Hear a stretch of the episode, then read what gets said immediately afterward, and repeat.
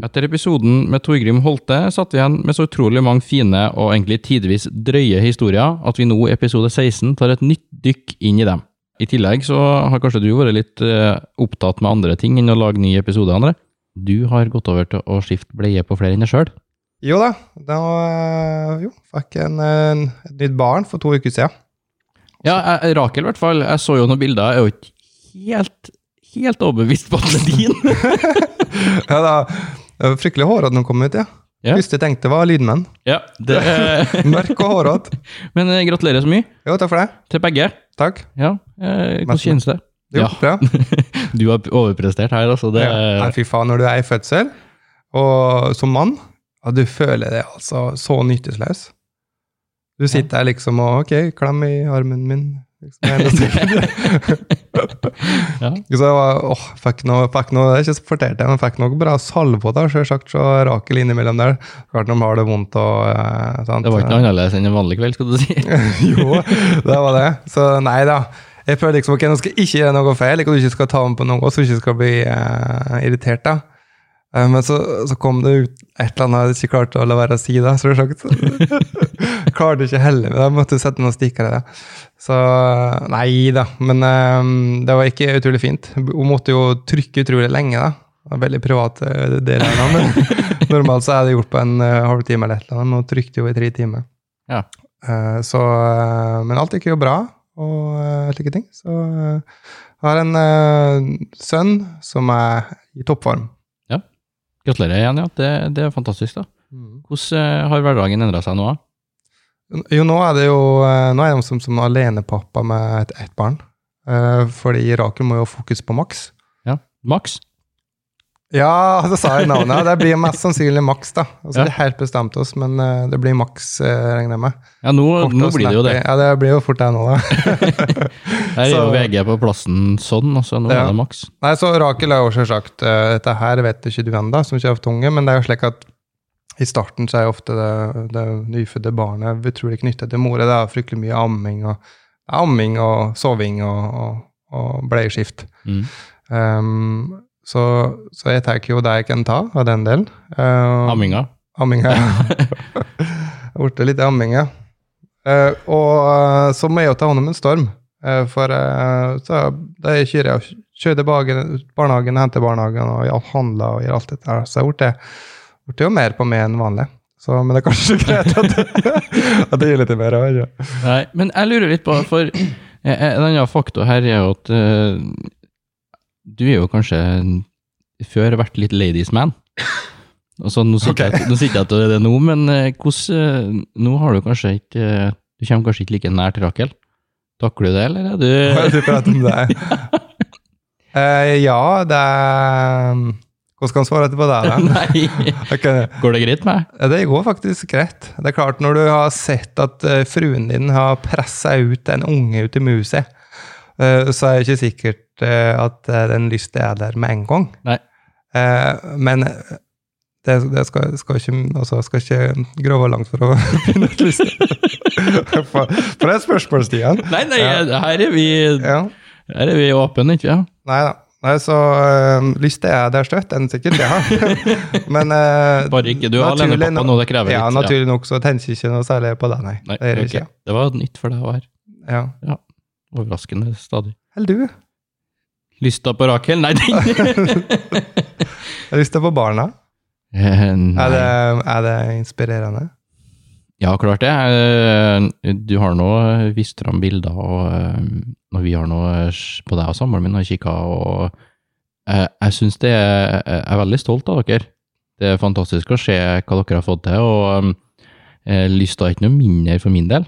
Tvert imot. eh, Men eh, det er fremdeles eh, en enorm frykt. Ja, det ja. Sant? Som du sier at du blir alenepappa, det tør ikke jeg, vet du. Nei. Nei. Nei, jeg må ikke tenke slik. Nei, jeg, lysta er der. Eh, Redselen er kanskje større enn noen gang, men eh, det er bare å ta imot det seg en dag, sikkert.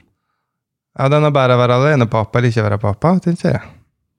Ja, det vet ikke jeg noe om. Folk lurer kanskje hvor Marius er. Ja, det gjør jeg òg. Ja, det gjør du òg. Altså, dette her er spilt inn i dag, onsdag, klokka halv elleve i morgen. Og planen var vel egentlig at du skulle bare skyte inn en liten intro før da episoder som kommer nå etterpå med Torgrim Holte, som inneholder ganske mye sjuke ting. Ja. Um, og forskjellige ting. Um, og så han har jo Dvergfrukt og har ei historie der som jeg og skratta jo til å skape over mikrofonen der. Ja, det ble litt, eh, det ble litt eh, info fra han, ja. Ja, fra oppdrag med leiesoldater der de eh, skal redde for barn som er kidnappa, til at han skal prøve å trylle bort en bil som skal seg totalt. Altså, Ja, det- så, det jo, så, så grunnen til at Marius er nå, ikke er nå, er bare det, rett og slett. At vi tok det på sparket. Og nå er det jo onsdag, og det er jo valg i USA òg. Ja, jeg, jeg blir jo litt sånn usikker på, er det valg? Får man velge, eller er man stuck? Det er et godt spørsmål. Um, altså, I år sa de jo da at Trump hadde 10 sjanse til å vinne i går kveld når jeg gikk og la meg. Mm. Eh, og så vant han jo Florida og Georgia. Ja. Og våkne i dag tidlig, så står det nesten likt. Ja. Altså, det her er noe, her er noe Gullemosen sier. Det det er ikke sikkert det det er, men eh, det, det, det går jo mot at eh, Donald Trump eh, har en virkelig sterk sjanse til å vinne her, da. Hva du sa Twitter det for Twitter hadde stoppa meldinga hans, ja. I Han sletta meldinga ja, på at han da sa at han det kommet til å vinne. Ja. Det er ganske sjukt eh, med USA.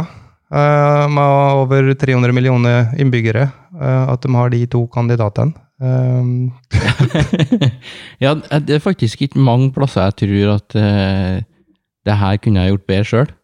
Men jeg, jeg må ja, men Stian, det er slik er du støtt. Du tror at du kan gjøre alt bedre enn alle andre hele tida? Jo, men uh, oftest riktig, da. Ja, det er det. Og det lurer jeg faktisk på, Ja. i hvert fall nå sammenligna med de to kandidatene i, i det valget Ja. her, at begge vi kunne faktisk ha yta ganske god innsats der, altså. Ja, vi ville ikke hatt den jobben, da, for slik. Fytti grisen. Altså, men at Donald Trump blir valgt til president, det sier jo litt om den amerikanske kulturen. Ja, Eh, det, At en slik type person altså, øh, blir president. det er litt andre holdninger enn kanskje vi er vant til, til her til lands. Det, kan, det skjer jo bare i USA, det. Ja. Eh, men det kan jo skje en gang i framtida her òg, og så blir jo mer og mer påvirka av den amerikanske kulturen. og hvem tror du eh, hadde blitt eh, statsminister i Norge? Det, Nei, sånn umiddelbart så tenker jo jeg Vi må jo gå for en, for en Stordalen. Ja, Stordalen har passa bra til det. Ja, men så kan jeg Jeg frykter jo litt over på uh, diverse andre her, at vi får noe sånn uh, Kanskje vi får Lotepus, da. Hadde liksom uh, kommet opp ja, det, det tror ikke jeg har vært det verste. Nei, ikke, ikke, jeg. Nei. Nei, jeg, Men hvis vi har fått noe sånn Paradise eller Ex on the Beach-deltakere, så blir jeg litt sånn halvskeptisk. Altså, da, Det er i hvert fall utrolig spennende. Ja, det påvirker jo hele verden, dette her. Og jeg har jo utrolig mye kompiser i USA. Så, og det er utrolig mange som er Trump-supportere. jaha. Ja, det er um, de fleste som jeg kjenner der, er, er Trump-supportere, faktisk. Er det noe vi ikke forstår, da, kanskje? Nei, men eh, han står jo for mye bra for en stor gruppe folk. Eh, Ja, det er og, den rikmannsen du kjenner, ja. ja, jo, men han har jo på en måte, han har jo på en måte gjort middelklassa rikere, da. Han har jo fått ned skatten, og, og mye folk tenker jo fryktelig egoistisk. Mm. Tenker jo kanskje bare på lummekyllingboka si. Mm. Um, og så er han jo, så er han jo lett for å bli måla i, i media. Um, også her i Norge òg, Mm. også som en, en, en idiot, da. Uh, så Nei, det er ikke det er, det er, Problemet er jo at det er, har ikke noe særlig bedre kandidat, da. Du må Nei, velge mellom én og to. Det er jo et ordtak som heter 'the devil you know'. Og det er jo at jævelen du kjenner, er kanskje bedre enn den du ikke kjenner. Ja. Og det kan jo være eh, det som gjør resultatet av det valget her, at eh, Trump sitter videre, da. Ja. At eh, den tryggheten, det her vet vi i hvert fall hvordan drit vi får, Ja, det hvis det det. er alternativet. Og så kan det godt hende at folk som har ikke noe særlig mening, men uh, syns at Donald Trump gir god underholdning. Ja. det er jo verdens største reality-TV, kan jeg vel si. Jo. Så det, ja, det er spennende. Men uh, du, må slippe oss i veien. Uh, en episode her med Torgrim Molte. Ja. Uh, og Alle historiene. bare hell kvast. Dette er podkasten for deg som ønsker å bli utfordret på en underholdende måte. Med spennende gjester og gode historier. Fra studio på Solsiden i Trondheim, du hører på Rastløs. Please welcome André Villa. etter at vi hypnotiserte Follestad, så har den fått en akselerasjon som er helt absurd. Fordi Men hovedsakelig inn, inn til underholdning, sant? Det er så Ja, nå- mye terapi her det er prat om i ditt fag, eh, som du Nei, jeg driver jo med, beg med begge deler, men, men jeg, jeg, liker, jeg kan ikke ta betalt for å drive på terapi. Hvis folk er syke, så, så er de syke. Det er ikke, hvem er jeg som kan begynne å, å drive? Det er nok av sjarlataner som er der ute, som har vært på en weekendkurs i hypnose og tror at de kan akkurat det som du snakker om. da. Ikke sant, Psykoterapi, og, men de har egentlig ikke peiling. Selv om de kan være en jævlig god psykolog, en god lege, en god behandler, så er ikke det dermed sagt at de er en god hypnotisør. Så du skal ikke få slått det med det første? og... Nei, jeg tror ikke det slottet trenger vel Men jeg har vært på andre slott, for å si det sånn. Men eh, det norske Kongelinde slott skal få lov å slappe av. Jeg har et eh, bilde jeg skal hente. Ja, nei, så For dem som lurer, da, så springer noen André frisk som bare det rundt her, da. Frisk som bare det. Og det er, han er ennå ikke hypnotisert, men Nei, nei, men jeg har et bilde som er printa her. eh, her. Ja. Som, eh, som jeg er spent på hva, hva du syn ditt er på deg, da. Eh, altså, du har jo det alternativet, for å si det slik, da. Eh, og det her er jo bildet med det og Lilly Bendriss. Mm. Eh, vet ikke hva setting det er, da. Eh, men mange ville kanskje kategorisere det, altså hypnose og det alternativet, alt dette her i en boks. Mm. Hva, hva føler du om det?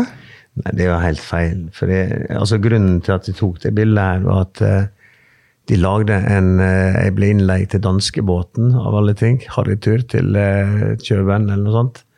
Der Lilly Bendriss hadde et eh, foredrag om Eller jeg intervjua henne om bord, eller vi skulle intervjue hverandre.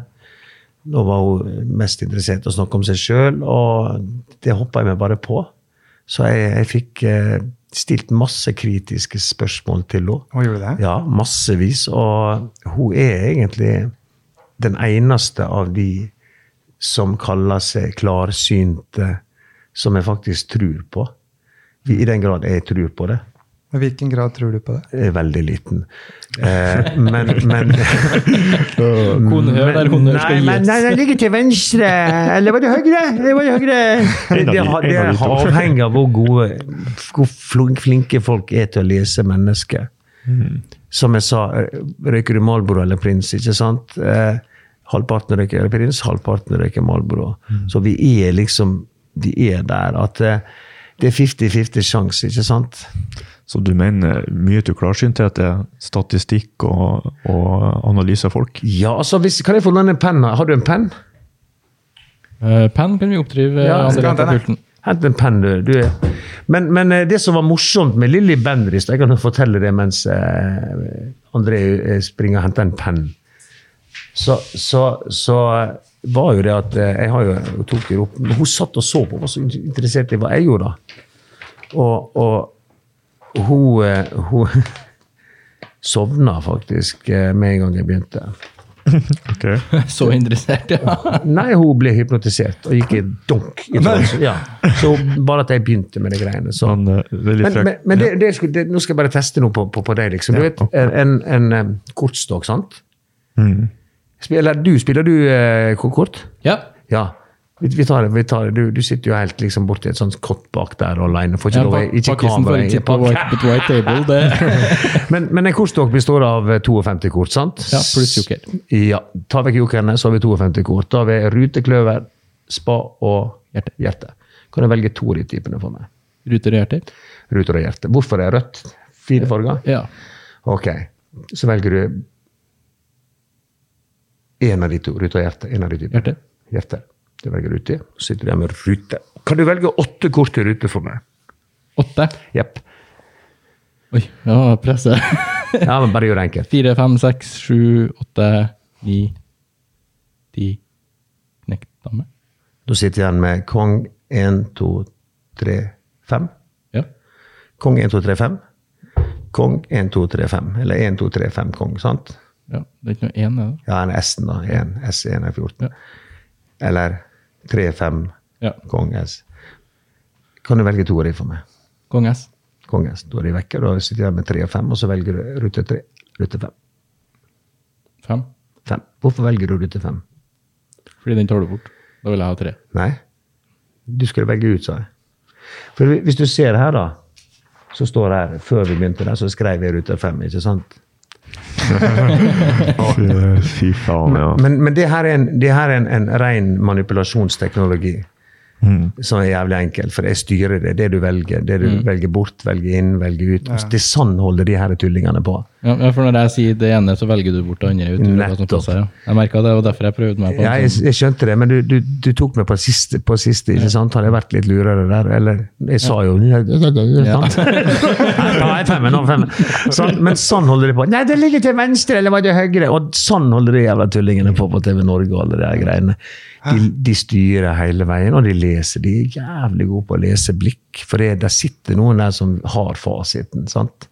Og de som har fasiten, Da er det enkelt, ja. da er det enkelt å lese det. Og nå visste jeg, nå ville jeg styre det akkurat dit jeg ville ha det.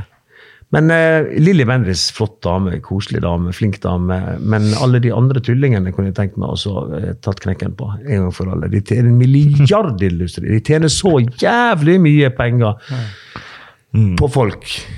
Eh, hva heter han? Jacques Chirac, franske presidenten.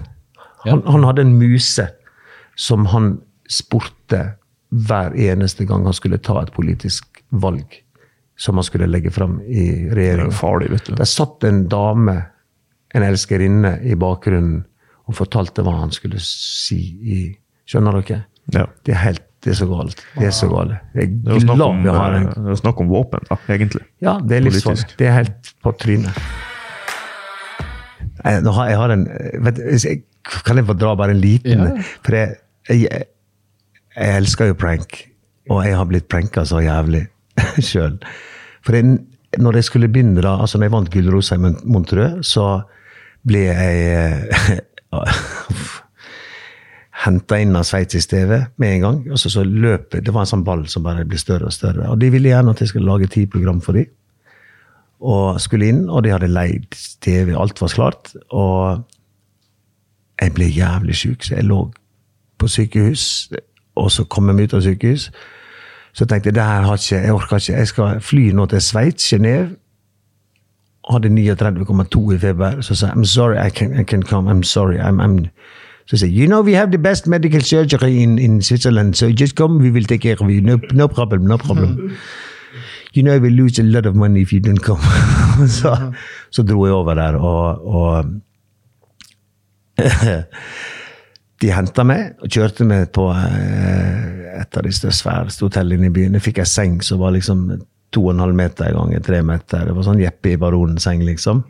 Og det kom leger og satte sprøyter på meg. Jeg fikk eh, suppe, og gudene vet hva de sprøyta inni meg. Men eh, jeg ble iallfall ganske god og rusa, og de, jeg tror de stoppa all sykdom akkurat der og da. Det fins medisin som kan gjøre det, skjønner du. Og, og så var han så gira på at OK, tomorrow, tomorrow you will do it, you will do it. I will lose many hundred thousand. Hu, hu, Helt panikk. Så sier jeg OK, I will try. Og så sier han If there is anything you need, or whatever you need, or tell me, I will bring it to you. No problem. Så, så lå jeg der i halvrusende, så sa jeg bare på gøy, liksom. Okay, can you bring me two young boys about 13-14 years? What? ja, bare på kødd, ikke sant? Jeg er den mest heterofile mannen, og ikke, jeg har ikke en snev av retning i Å, fy faen. Det er det verste jeg vet. Men jeg sa det bare på gøy. Og han bare Oh, shit. oh, nå har han driti seg ut. Nå har han lekt en, en pedojævel til å komme til, og hypnotisør til å skal inn, overta landet der og bli stjerne. Så sa jeg nei, I'm just kidding. Sorry, I'm just kidding. I couldn't. Sorry, sorry, sorry. Ok. Nå um, nekta han å tro på meg. Så jeg måtte jo feie over halve crewet for at han skulle skjønne at jeg skulle, skulle vise at jeg, var, jeg, var, jeg likte jenter, og, og en voksen jente. Så jeg var vel ikke så kritisk. Nei, drit i det. Men, men greia var at han sa til meg når han endelig OK, I, I believe you, I believe you. Han You know, one day, you will never know when, where, but one day there will be a revenge. Ja. Og jeg har jo blitt og vokst sammen med den familien. Det er den andre familien min, og jeg er fadder på guttene hans. Um, uten at det skal debatt, ja, uten at det skal tenkes på noe sånt. gutter på 13-14 år. nei, nei men, men, men i den familien er min andre familie. Og jeg har feira jul med dem. Og, og oppe i Lødiablerie i Sveits har vi hytte sammen. Og tilgang til den og kan være der når jeg vil. På julaften har jeg vært nå i tre-fire år. Sist gang jeg var der, så gikk jeg og la meg på julaften. Der er ikke en sånn gave. De driter i gave. De har for mye penger. De klarer alt. Det er ikke noe vits å kjøpe noe, for de har alt fra før. Så vi bare gir faen. Vi drikker oss drita fulle og spiser ostefondy. Og da er det om å gjøre å drikke ostefondy og rødvin, ikke ostefondy og vann. For da gjenopptar den ostefondyen den eh, forma som tarmene har på vei ned, så stivner den, og så bruker de tre uker på å få den ut igjen. Det er ikke noe kult. Det, det er sant, altså. Du må drikke vin. eller det er. Ja, veldig viktig info. Matinfo. Men i alle fall, første juledag så våkner jeg av at døra går opp nede på soverommet. Så er det Og tenker jeg, nå kommer en av guttene, vet du, og skal det onkel tåle? Så snur jeg meg, og så skulle jeg si bø! Og så snur jeg meg, og så Hei, helvete! Her kom en dverg! I, I blå tanga, nisselue og en trompet. Og hoppa opp i ding, Og jeg ligger i fosterstilling og sutter på tommelen. og da før eller etter du var redd for dverger? dette var jo etterpå. Jeg visste jo at jeg hadde hver gang. sant? Og, og så Og så var fem minutter, og så var han ute. Og så var det helt stilt. Og da ventet jeg liksom. Nå skal folk komme inn, så jeg, ha, ha, ha, got you! Ingen kom. Og jeg ligger alene i den senga. Klokka er halv ti. Hva faen skjer det, liksom? Det må jo komme inn, og så Og så var jeg så sliten, og jeg var helt, så jeg sovna igjen. Så våkna jeg når klokka var tolv. Da var det lunsj. Så jeg tenker, Er det her noe jeg har drømt? Eller er det noe som har skjedd? Eller er det, hva faen er det her for noe? så går jeg opp, og ingen sier noe til meg.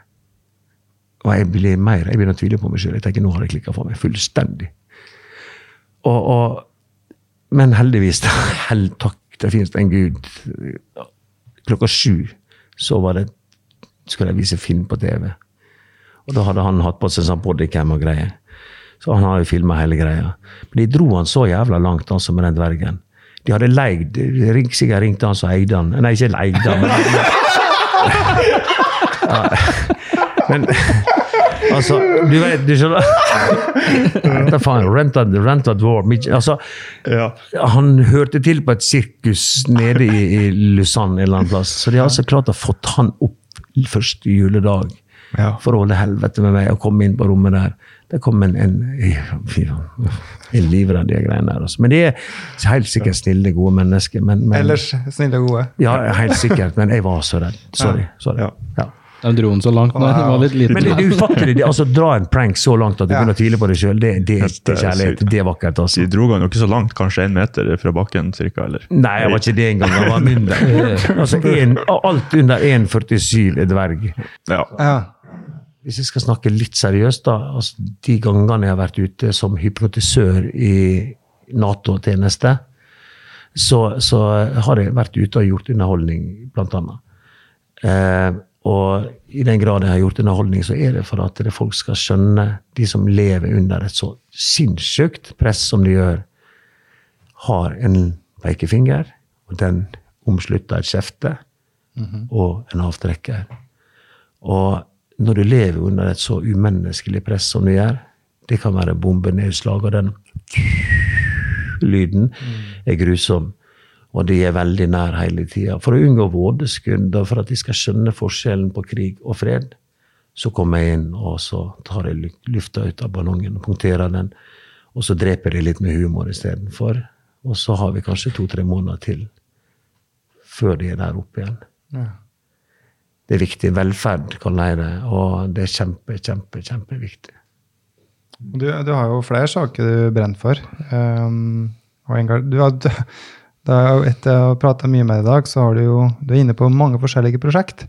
Og har jo vært, du er jo en eh, veldig entusiastisk og lidenskapelig dykker deriblant. Mm, ja. eh, og har virksomhet i flere land. Og så eh, har du jo òg Du driver med å, å, å redde folk som er blitt kidnappa eller forsvunnet? Ja, eh, det er vel eh, ingen hemmelighet lenger at jeg har jobba litt ute i verden. Eh, eh, for forskjellige mm, agency, eller hva skal jeg si, med bokstaver i navnet. Eh, jeg kan ikke si så mye om det, men, men eh, RCI, da, som er vårt selskap, er basert på mennesker som jeg har vært ute og truffet, både i Irak, i Afghanistan, Bosnia, andre plasser i verden. er Mennesker som Noen del av de er pensjonerte, en del av de er fortsatt aktive. Marinejegere, SS, Navy Seal, eh, Rangers, eh, Gorm. Folk som vi har tette, tette, tette bånd, og folk som har en ekstrem kompetanse innen det som vi jobber med, da, som er jo antiterror og, og psyops, psykologiske operasjoner. Eh, vi holder også en livvaktkurs. Tre, trener folk til å bli livvakter. Vi holder kurs for Forsvaret, vi holder kurs for politi. Eh, men det er klart eh, vi Det er et firma som du er medeier i? Ja. Ja. Eh, men vi har jo da eh, eh, Oliver-saken, som ble kidnappa i, i, for et par år siden i Alfast LP, som jeg fikk ansvaret for gjennom selskapet, og som leder av operativ leder i selskapet, å finne igjen. Det var mora som hadde kidnappa han, og i løpet av, Vi brukte vel kanskje en ukes tid, så klarte vi å lokalisere han i Ostende i Belgia. Rett før de flykta over til, eh, til England. Så da fikk, måtte de kidnappe han tilbake igjen, hvis du skjønner. Ok, Så Eh, far var i Spania med sønn, mor kom da og kidnappa Mm. sønnen. Og nasjonalitet norsk? Ja, han er norsk, men Ja. født og oppvokst i. Span, i Spania. Ja. Eh, Så det er Belgia, da, altså et Nei. random land? Det var et Eh, random. Det var, de var på, på veien, og de hadde vært på veien. Men jeg må jo bare poengtere og være, være veldig tydelig på at eh, vi, vi forholder oss til Genévekonvensjonen og lov om og rett. Og så jeg og mine eh, kollegaer kunne ikke bruke Vi kunne ikke gå på kidnapperen alene. Så vi hadde med faren i en egen bil. ja. Så i det øyeblikket vi så gutten og kunne gå til en, en motangrep rett og slett for å sperre, så, slik at faren kunne ta gutten. ja. Hvis ikke hadde jeg vært kidnapper og kunne Ja. blitt straffedømt for det. Wow. Men, men det var mye planlegging, og jeg hadde gjort avtale med politiet i, ja, og folk i Brønnøysund, og vi hadde helikopter i lufta. og vi fikk gutten ut, og vi hadde 54 minutter til den franske grensa. Og vi kunne komme oss opp over til Nederland. På, og vi var i Amsterdam, og vi kunne fly via. Ja, så Det er sånne ting du må tenke på. da. Sier, altså for det da, som er firebarnsfar, Mm. og nå er det småbarnsfar òg, en ettåring, Mhm. og skal snart bli bestefar òg, hvis en skal nevne alt, eh, så må det jo føles utrolig godt å få det barnet tilbake. Altså lede den saken. da, Det er jo Mm. er ikke det herlig? Det må være en, eh, en seier og jubel når det Det er klart det. det er klart det, og Nå er jo ikke dette den første gangen vi har gjort det. Vi har gjort det en tosifra ganger. Men, eh, og det er en fantastisk opplevelse. Jeg kan bare prøve å tenke meg hva ville skjedd hvis noen tok mine barn. Jeg hadde, jeg hadde dråpe. Altså, Så enkelt er det. Ferdig snakka. Eh, dessverre. Eh, men å få det hjem og se gleden til familien, skole Det er så mange som blir Og frykt. Og, men vi må gjøre det forsiktig. Vi hadde, eh, vi hadde, jeg hadde Jeg visste hvor han var. Jeg visste på millimeteren hvor han var. Vi hadde, vi hadde Hvordan da? Hvordan- nei, vi brukte Vi pinga mobiler og e-mailadresser. Okay. Eh, selv om de hadde da e-mail-nummer og sånne ting. Vi har folk som er tekniske på, fra de amerikanske agensier som hjelper oss. Så vi visste at han befant seg i den og den gata, i det og det nummer, i den og den høyde. Så vi visste akkurat hvor han var når vi, når vi da inntok byen. Og posterte folk ut, og fikk eh, litt ekstra støtte fra folk i Det er begrenset. Klipp vekk akkurat den. Eh, Men eh, uansett da, så fikk vi, fikk vi gutten ut, og vi fikk han Vi bestemte oss. Det kjappeste nå er at eh, jeg tar han med meg til politiet. Jeg lurte mora ut. Så, Du var i kontakt med mora? ja. Så Gikk det ut fra at det var noen andre, eller åssen? Nei, jeg sa bare at det var Og og I just uh, want to help you. And, yeah, altså at jeg var på hennes lag. Og det var jeg for så vidt. Det var ikke en hypnose inne i bildet der? Nei, det var ikke hypnose der. Men uh, der var det råmakt. Nei, det var ikke det. Men, Nei, det var men, men jeg person. sørga for å snakke henne ut av leiligheten, og i fellesskap dro vi til politiet. Og da visste jeg at med en gang jeg fikk henne ut av leiligheten sammen med sønnen til politiet, så hadde jeg papirer på låven. Ja. Interpol, alle var Så poff! Og så fucka jeg opp hodet hennes så jævlig at hun gikk til angrep på, på etterforskeren, så hun ble satt i arresten. Og da visste da sa jeg at da stikker vi mot eh, Spania, og vi kjører via Frankrike. Og eh, så sa han, jeg husker han politimesteren sa, bare gi beskjed når dere er trygge, så skal vi slippe å løs. Vi slipper ikke før vi vet dere er kommet over grensa. Wow. Så, um, og det er en glede. Mm. Og det er klart eh, Vi sendte det av gårde. Hadde sendt guttene våre med de, og så var jeg og makkeren min vi dro inn til Amsterdam og drakk oss kanapas på en flaske, flaske whisky. Og det fortjente vi faen meg. Men du, tilbake til det samme tryllekunstner. Altså, så du, du var liksom litt hypnotisør, litt tryllekunstner. Å. Hva er det? Uff. Hva var det, hvorfor ble du ikke tryllekunstner? Hvorfor ble du hypnotisør? Oi, oi, oi. Jeg fikk en telefon! Eh, oi, oi, oi. Det var midt i den karrieren, ting gikk bra, liksom. Eh, kan du sjekke når Netcom ble starta i Norge? Jeg tror det var femårsjubileum etter det. Så fikk jeg en telefon fra et eventselskap i P4 Event. Så sier det 'Holte, kan du trylle fram en bil?' Trylle fram en bil det har jeg aldri gjort. Det er jævlig vanskelig altså, trylle fram en bil. Hvordan faen skal jeg gjøre det? Men så kom jeg på at jeg visste om en kompis eller en kjenning da, fra Molde som hadde trylla fram en bil en gang. Eh, eller gjennom en mur og noe greier. Så springte han og spurte jeg har fått et spørsmål om å trylle fram en bil i, i, i, på Aker Brygge i 98. 98, fem år etter 98. Da snakka vi Nei, jeg starta i 93, så 98. Tre- det vært. 98 da, Ja, det kan stemme akkurat 98. Uff, og så, i alle fall Så, så spurte da han, han eh, tryllekunstneren kan vi lage en greie. Hvordan faen kan vi trylle fram en bil? Så da trenger vi en scene.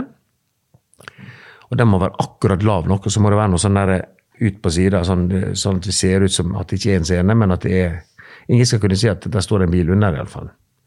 Og så må vi ha vegger, og så må det være et sånn der forheng som raser ned.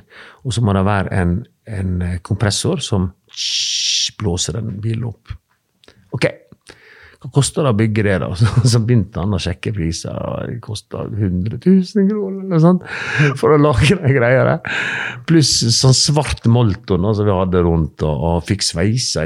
Og, og jeg hadde jo god kontakt i Forsvaret, så jeg fikk øve i en sånn hall oppe på Sessvollmoen. Inni, inni en sånn liten artig, artig greie. Og vi var nedi fra vi sto på scenen og sa «Se, Salabem, slå på større! Så gikk det fire sekunder. Fire sekunder, så var poff, så sto det en bil. En BMW X3. Nei, Z3. Men jeg var så sliten, og at når vi skulle gjøre dette greiene Og jeg skulle på en måte presentere tryllekunsten. Jeg tror vi fikk 400 000 kroner for det. Og, og kostnaden var jo 150-200 eller noe sånt.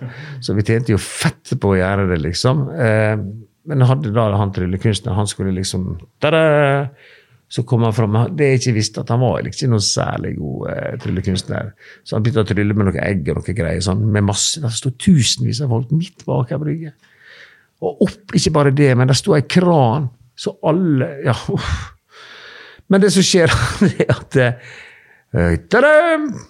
Og så slår vi opp veggene, og så skulle han tute. Slår opp veggene på, og så, så skulle da denne bilen gå opp. Og der skulle da direktøren for Netcom sammen med han tryllekunstneren sitte inni. Og de skulle da hoppe nå i den caben. Mens jeg skulle, eh, hadde en annen som jeg skulle gi beskjed til, skulle han holde sammen to ledninger, for jeg har ikke laga bryter på. Det var bare to ledninger. Så, bare, så gikk den bilen opp. Og han skulle skyte med en gang han tuta. Og jeg, jeg hadde sovet den natta, for jeg tenkte nå har de kontroll. Så kjører vi ned, og så har de sett den der scenen ikke på breisida, slik som den skulle være, men på langs. Så bare sånn Ja, der står det en bil. det var det første jeg tenkte. Og så kjører vi på go, og så går, mens, mens sjefen for Netcom og han tryllekunstneren står inni der, så slår vi opp, og jeg sier «Tadei!» Og så går den bilen opp, og så hører jeg ingen tut i det hele. Og den bilen forsvinner jo bare lenger og lenger og lenger opp.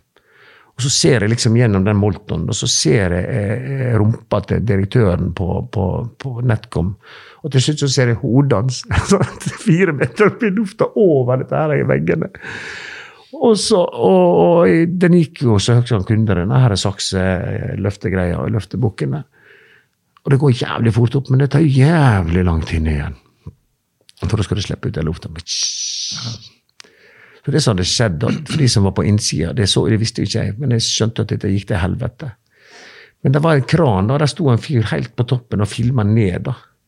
Så det som, jeg, det som jeg har fått sett i videoopptaket en gang, og så ba jeg om å få kjøpe det og brenne det. Men det fikk jeg ikke. Men, men, det som skjer, det er at eh, der er et svart Molton-teppe, og der er en liten planke som de står på midt på. Den skal da hives vekk, og så skal det rulles inn de greiene automatisk. Så skulle de hoppe ned i bilen. Men så hadde han glemt å ta tak på den caben. Så, så han tryllekunstneren han landa på bake, mens sjefen for Netcom han, han sklei nedover panseret og holdt seg fast i vindusviskerne. Mens den bilen gikk bare rett opp og opp og opp. Og opp og opp. Og der sto jeg på utsida og sa hepp. hepp. Eh, bilen ble heisa opp mens de henger Ja. etter bilen. ja. Hvor høyt det? Fem, fem minutter! Nei. Og jeg kunne ikke slippe ned de greiene, for da hadde jeg sett den der saksegreia. Jeg sto der i seks minutter på utsida og Og til slutt, altså bare, Men Var det sånn at de skrek etter hjelp? og sånne ting? Jeg bare lot som ingenting, at det var en del av det act. Nei, det eneste jeg hørte det eneste jeg hørte, det var masse greier. 'Få den ned, for faen! Få den ned!' Oi, oi, oi. Og så hørte jeg bare han sjefen for Netcom 'Dette skal vi faen ikke betale for!' da bare gikk jeg rundt forsiktig bak, og så forsvant jeg over, eh, over rådhuset og tenkte aldri, aldri, aldri mer. Fikk du betalt det? Ja, jeg fikk betalt på forhånd, så, så det var jo greit. Men, men det var en eh, Jeg gjorde et forlik med det. Det var jo helt katastrofe. Det var helt, Jeg ble lovt og det, Jeg vil aldri ha noe med trylling å gjøre. sånn. Jeg gjør trylling på gøy, liksom. Sånn Ja. små, små Er det triks. triks du her? Har du med deg noe greier? Eller noe? Nei, det er nettopp der sa du det. liksom Trylling, har du med deg noe greier? Det er jo det det er snakk om. Alle, Ja. aller fleste trylletriks handler om ting. Props. Og Du er heldig, altså Mange er jo artister nå i pandemien, er jo parkert. Jeg er den eneste som har lov å jobbe, Ja. vet du. For jeg Du, jobber i din Forsvaret. luring. Din luring. Ja, du er Nei, men jeg, jeg så det her Jeg så pandemien kom i Spania. Var låst inn i fire måneder. Alene. Og samtidig som det begynte, da, så ble jeg som jeg fortalte, så ble jeg skimma. Så det forsvant 257 000 kroner fra kontoen min. Og det var liksom det jeg hadde av lommepenger som jeg skulle bruke. Jeg visste ikke det skulle komme en opp. Hvem faen skulle si at det skulle komme en pandemi? altså. Sant? Det, det er liksom Hallo. Så det var en tøff år. Veldig tøff år. Jeg måtte leve igjen da på å gjøre andre ting. Så jeg malte, solgte bilder, hypnotiserte folk på nettet, på Facebook. Fortell om det hypnotisere folk på nett. Altså masse grupper, da. Stø Mm. Jeg lagde en side som heter Torgrim Holtes hypnoseside.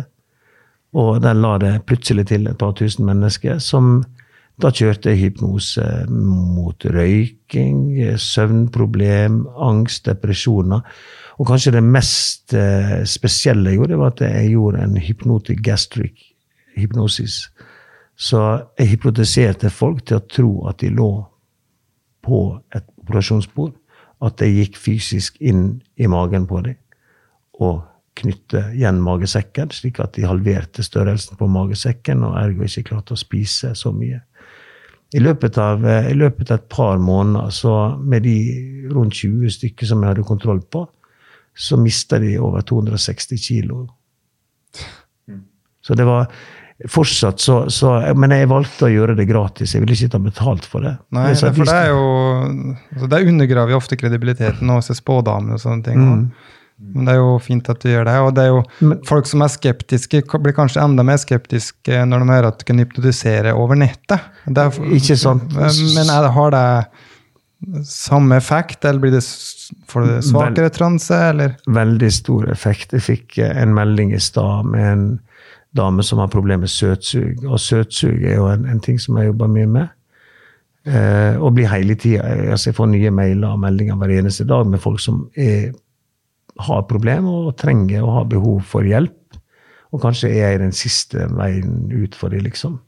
Jeg har jobba med folk som har problemer med mat, som ikke har spist, som, som har angst, depresjoner og Kanskje, hvis vi skal være litt alvorlige her, eh, så, eh, så har jo jeg vært i en posisjon i livet mitt der mennesker har følt at de kan ta kontakt med meg for å få nesten få en tillatelse til å avslutte livet sitt. Eh, eller de truer meg hvis ikke jeg hjelper dere. Hvis ikke jeg hjelper deg nå, eller meg nå, du hjelper meg nå, så, så tar jeg livet mitt.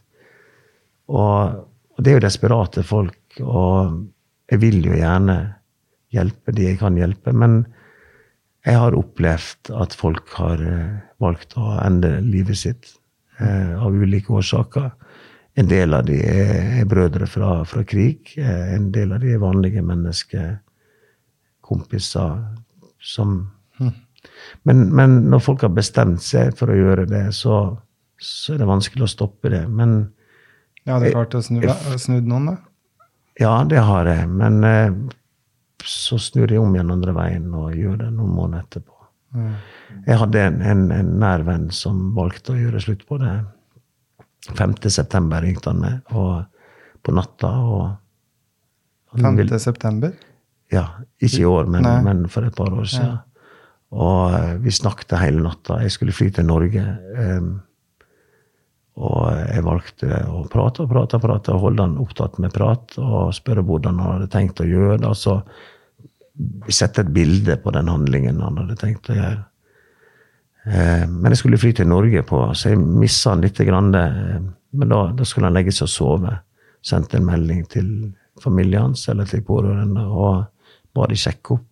Landa i Oslo og fikk beskjed om at, eh, fra han at det, glem det i natt, det var bare tull. Ja.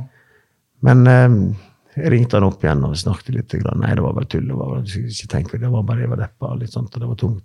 Så ringte han meg klokka fire minutter over seks den 10. november samme år. Og jeg kunne ikke ta telefonen. Jeg var opptatt, så jeg sendte bare en Jeg ringer det tilbake om to timer. Og jeg ringte han tilbake to timer etterpå, og da tok politiet telefonen. Da hadde han valgt å avslutte livet sitt. Nei, fy fader. Og eh, jeg har jo lært meg at jeg kan ikke ta på meg skylda for det. For, fordi, men hadde jeg tatt telefonen, så kanskje han hadde snudd. Kanskje jeg var i siste håp hans akkurat da. Ja. Og, så jeg har eh, Dessverre. Dette er den, den mørke baksida av jobben min. Og at folk tror at jeg er overnaturlig, har overnaturlige evner og kan gjøre alt for å hjelpe dem, er at jeg, jeg må dra med meg. Og jeg har nok mista kanskje 12-13 mennesker i løpet av mitt liv. Så jeg, jeg går i en sorg ganske ofte når, når de velger, når jeg, de glipper. Men jeg har også lært meg eh, Jeg måtte gå til psykolog sjøl for å prøve å skjønne hva kan jeg gjøre. Og, når det gjelder folk som eh, har vært krigsbrødre, så har vi et system heldigvis som klarer å fange det opp igjen. Veteraner som hjelper veteraner, og psykologhjelpen er veldig, de er blitt veldig utvikla. Men alle de andre som ikke har noe, som mener og tror at det er den eneste i verden som kan hjelpe dem. Og hvis ikke jeg hjelper dem, så skal de straffe meg med å avslutte livet sitt. Det. Hvem skulle tro at eh, du, ditt talent kom med såpass stort ansvar den dagen du plukka opp den boka som 15-åring? Uh, Nei, det er, det er en jeg, jeg, Det kan godt hende jeg aldri hadde plukka opp den boka Nei, hvis, hvis jeg hadde visst at det skulle være en, en, en ekstra byrde. Men, men på den andre sida igjen, da, så føler jeg at jeg hjelper folk. Og jeg har hjulpet folk i krise. Jeg har bistått eh, både amerikanske og utenlandske og andre myndigheter både med etterforskning, avhør, eh, med folk som har vært i offer, folk som har vært vitne. Eh, Jeg hypnotiserte en jente når jeg jobba i Sveits, som hadde blitt voldtatt fire år tidligere. Som under hypnose tegna et eh, bilde eh, sammen med tegner av gjerningsmenn. Wow.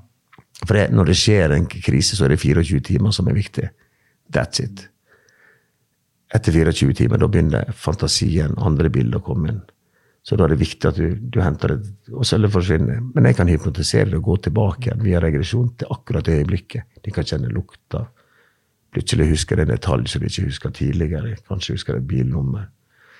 Hun tegna et profilbilde av han, og de klarte å arrestere han, og gjennom han få fatt i andre gjerningsmannen, som ble dømt. Dette er jo snart 15-16-17 år siden. Ja.